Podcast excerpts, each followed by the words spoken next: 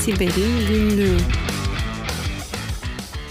Siber'in günlüğünden herkese yaftalar. Ben Murat. Ben Tuğba, merhaba. Tuğba ne oluyor Ukrayna'da, Rusya'da? Yani politik olarak görüyoruz ama siber tarafta neler oluyor? Sevgili Murat, e, maalesef Ukrayna'nın başı Rusya ile her anlamda dertte. Özellikle siber saldırılar açısından da böyle. 9 Şubat'tan bu yana aralıklarla siber saldırılar devam ediyor Rusya kaynaklı. Rusya her ne kadar buradaki saldırıların arkasında olduğunu üstlenmese de IP'ler analiz edildiğinde Rus IP'leri olduğu tespit edilmiş ve Ukraynalı yetkililer tarafından e, yayınlanmış. Ukrayna'da Dijital Dönüşüm Bakanlığı diye ayrı bir bakanlık var.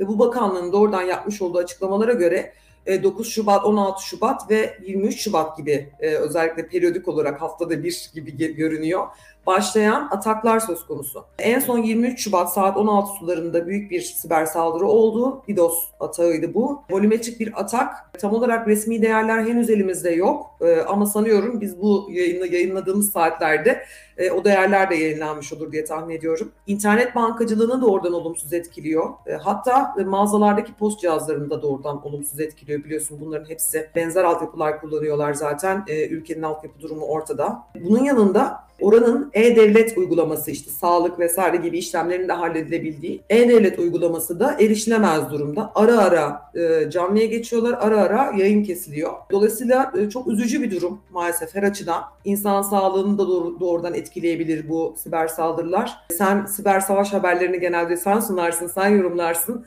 E, senin yorumunu merak ediyorum. Teşekkürler Tuğba. Evet önemli bir haber. Ben de birazcık baktım ve ilk düşündüğümü seninle paylaşmak istiyorum. Biliyorsun kara, deniz ya da hava savaşlarında bir ordu karşısındakinin hangi ordunun olduğunu, hangi e, ülkenin saldırdığını bilir. Hep neyi söylüyoruz? Siberde hayat böyle değil. Yani rahatlıkla bir başka IP adresi e, üzerinden geçilebilir, bir başka ülkeden geçilebilir e, ve dolayısıyla işte Ukrayna'ya saldıranın bir Afrika ülkesi, bir Doğu ya da bir Batı ülkesi olması düşünülebilir öyle değil mi? Ama burada senin de söylediğin gibi saldırının Rusya'dan yapıldığı ortaya çıkıyor. Şimdi bu ne demek diye düşünmek istiyorum. Bunun iki sebebi olabileceğini düşünüyorum. Bir tanesi Rusya, ey Ukrayna bak biz sana saldırıyoruz sen de bunun farkında ol diye. Deyim yerinde ise ortaya koya koya kendisini saldırmak istemiş ve burada sadece saldırıp Ukrayna'nın finans ve diğer kritik altyapılarını engellemek değil aynı zamanda da gücünü kanıtlamak istemiş olabilir. Bu bir seçenek elbette. Bir başka seçenek ise aslında bu gerginlikten faydalanan bir üçüncü taraf, bir üçüncü ülke olabilir, çok büyük bir kartel olabilir. E, bu gerginliğin sürmesi için özellikle Rus IP adresleri kullanılarak söz konusu e, saldırıyı gerçekleştirmiş olabilir.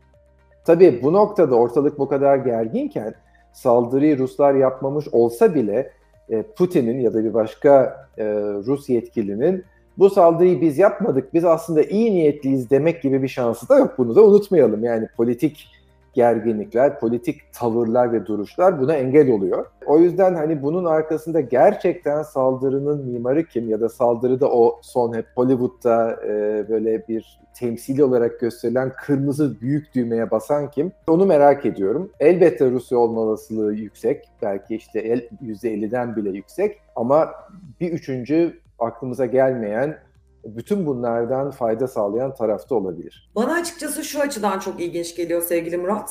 Genelde biliyorsun hackerlar hani zalimin zulmü varsa hacker'ın Allah'ı var şeklinde yaklaşarak e, böyle hani özellikle saldırıyı başlatan ya da işte hak yiyen ya da işte bir şekilde savaş başlatan ülkelere karşı biliyorsun sosyopolitik görüşü olan özellikle aktivist hackerlar için söylüyorum ataklar gerçekleştiriyorlar. Ama şu ana kadar Rusya'ya yönelik böyle bu boyutta bir siber saldırı olduğu da duyulmadı. Yani bu da çok ilginç geliyor bana. Sen ne diyeceksin? Ee, evet ama hani Rusya bu konuda çok uzun zamandır hazırlık yapıyor. Belki hatırlarsın 2019 ya da 2020 gibi şeyi konuşmuştuk.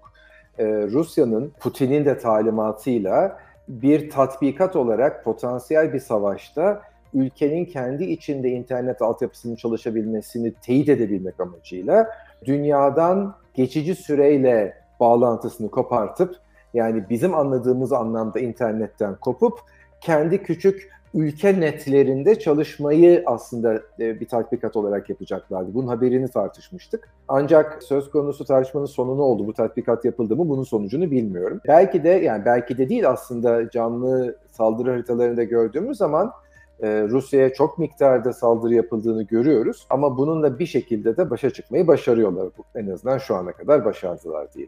E, bu arada bir küçük anekdot. Bu hafta kim olduğunu hatırlamıyorum. Hackerlerden bir tanesinin Türk internet hesabında bir şey gördüm. Abi hastaneye niye saldırıyorsunuz, ne yapıyorsunuz siz diye meslektaşlarına biraz şey yapıyordu. Böyle hafif bir duygu sömürüsü yapıyordu ya da hatırlatıyordu hackerlık bu değil diye e, ilginç bir tweetti. Evet bunu biliyorsun biz de geçmiş yayınlarımızda, haberlerimizde çokça dile getirmiştik.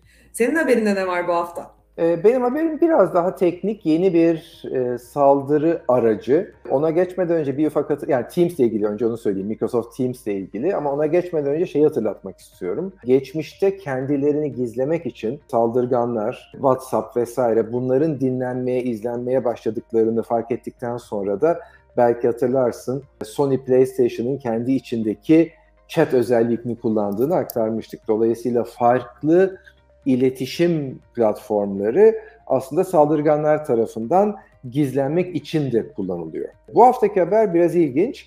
Şimdi biliyorsun kurumlar artık dışarıdan gelen zararlı kodlara, virüsler, truva hatları ve benzerlerine karşı çok iyi korunuyor. Sen de bu işi yapan insanlardan bir tanesisin. Hem gateway seviyesinde yani hem giriş anında çok ciddi kontroller var. Bu kontroller genellikle de web ve e-posta tarafını içeriyor. Hem de olur bir kaçak olursa deyip uç noktaya yani endpoint protection dediğimiz kullanıcı bilgisayarlarına yönelik de bir takım yapılar söz konusu. E, ama orada da söz konusu yazılım inerken vesaire işte antivirüsün ya da ilgili yapının e, devreye girdiği belli noktalar var. Saldırganlar yeni bir e, kendilerine kötü niyetli yazılımlarını, malwarelerini, virüs, turvatı ve benzerini ki şu andaki örneğimizde de turvatı dağıtmak için yeni bir yöntem bulmuşlar. E, Microsoft Teams ürününün ki dünya çapında 270 milyon kişi artık kullanmaya başlamış Teams'i. Bir sürü şirkete rakam tabii korkunç. Hep söylüyoruz para ve güç neredeyse suç oraya kayar diye. E, bir anda da 270 milyon kullanıcı olunca da doğal olarak belki de saldırganlar ben Teams'i kendi Truva atımı yaymak için niye kullanmayayım diye düşünmüşler. Biri de bunu gerçekleştirmiş. Özetle East-West dediğimiz biliyorsun bir makineyi ele geçiren saldırganın dört yönü var.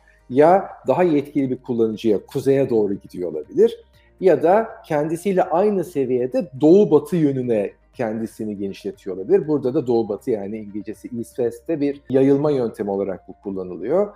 E, saldırgan herhangi bir şekilde bir kullanıcının şeyini elde ettikten sonra e, hesabını e, ki e, biliyorsun Teams izin veriliyorsa kurumlar arası bağlantıya da fırsat veriyor. Yani sen bir başka şirketin Teams yapısının içine de misafir olarak dahil olabiliyorsun. Onu kullanarak bir başka şirketteki bilgisayara e, bir Truva atı yüklüyor e, ve o Truva atı üzerinden yüklenmesini sağlıyor.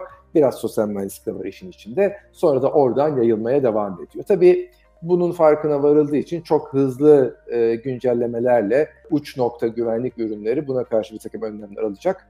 Ama yeni bir dağılma metodu. 2020'de küçük bir örneğini görmüştük ama bu sefer biraz daha ciddi ve biraz daha hızlı gidiyor e, olduğu için özellikle paylaşmak istedim. Teams e, kullanıcıları ya da Teams kullanan kurumların güvenlik ve e, buradaki yöneticilerine bir uyarı. Teams'ten indirilebilen dosyalar üzerine bir kısıtlama getirmek ya da onları mutlaka ve mutlaka bu gateway'lerde, e, şirket girişlerinde bir e, virüs ve kötü niyetli yazılım kontrolünden geçirmenin zamanıdır Tuğba. Evet, bu özellikle benim için çok kıymetli oldu sevgili Murat. Ben de şimdi senden öğrenmiş oldum bu haberi. Özellikle e, benim de içinde bulunduğum gruptaki gibi çok fazla şirketin bulunduğu, şirketler arası da Teams gibi iletişim kanallarının kullanıldığı yerlerde e, çok elzem. Merkezi yönetim yapıldığı zaman da çok elzem anladığım kadarıyla. Biz hep şeyden korkarız biliyorsun hani Konya'da da çalışanın varsa, Kenya'da da çalışanın varsa e, işte bu üç noktaları yönetmek açısından zaten sıkıntı, farkındalığı yönetmek zaten sıkıntı. Herhangi birinin e-mail adresi ve parolası bir şekilde ifşa olduysa zaten attacker boş durmuyor. genellikle sosyal mühendislikle destekleyerek oltalama ve benzeri e, ataklar gerçekleştiriyor. Başarılı da oluyor. E, biz hep genelde burada şeyden şüpheleniriz. Hani gidip e, kullanıcının son gönderilmiş öğelerin içerisindeki kalabalık bir maili tekrardan reply to all yani tümünü yanıtla yaparak ekine zararlı bir dosya koyması ve göndermesi şeklinde şüpheleniriz. Ve genelde biliyorsun güvenlik senaryoları da hep dışarıdan içeri e, olabilecek ataklara karşı öncelikle özellikle e-mail gateway'ler, anti-spamler, spam filterler bunlara göre kurgulanıyor. E, ama artık attacker'ların içimizde olduğu varsayımıyla iç sistemlerde de e, bu yazışma e, platformu da olabilir. E, her ne olursa olsun e, bunlara tekrar bu gözle sıfır güven anlayışıyla tekrar bir bakmak gerekecek anlaşılan. Evet öyle. Peki bu haftalık bu kadar diyelim mi o zaman? Diyelim herkese sağlıklı, keyifli haftalar. Hoşçakalın. Hoşçakalın.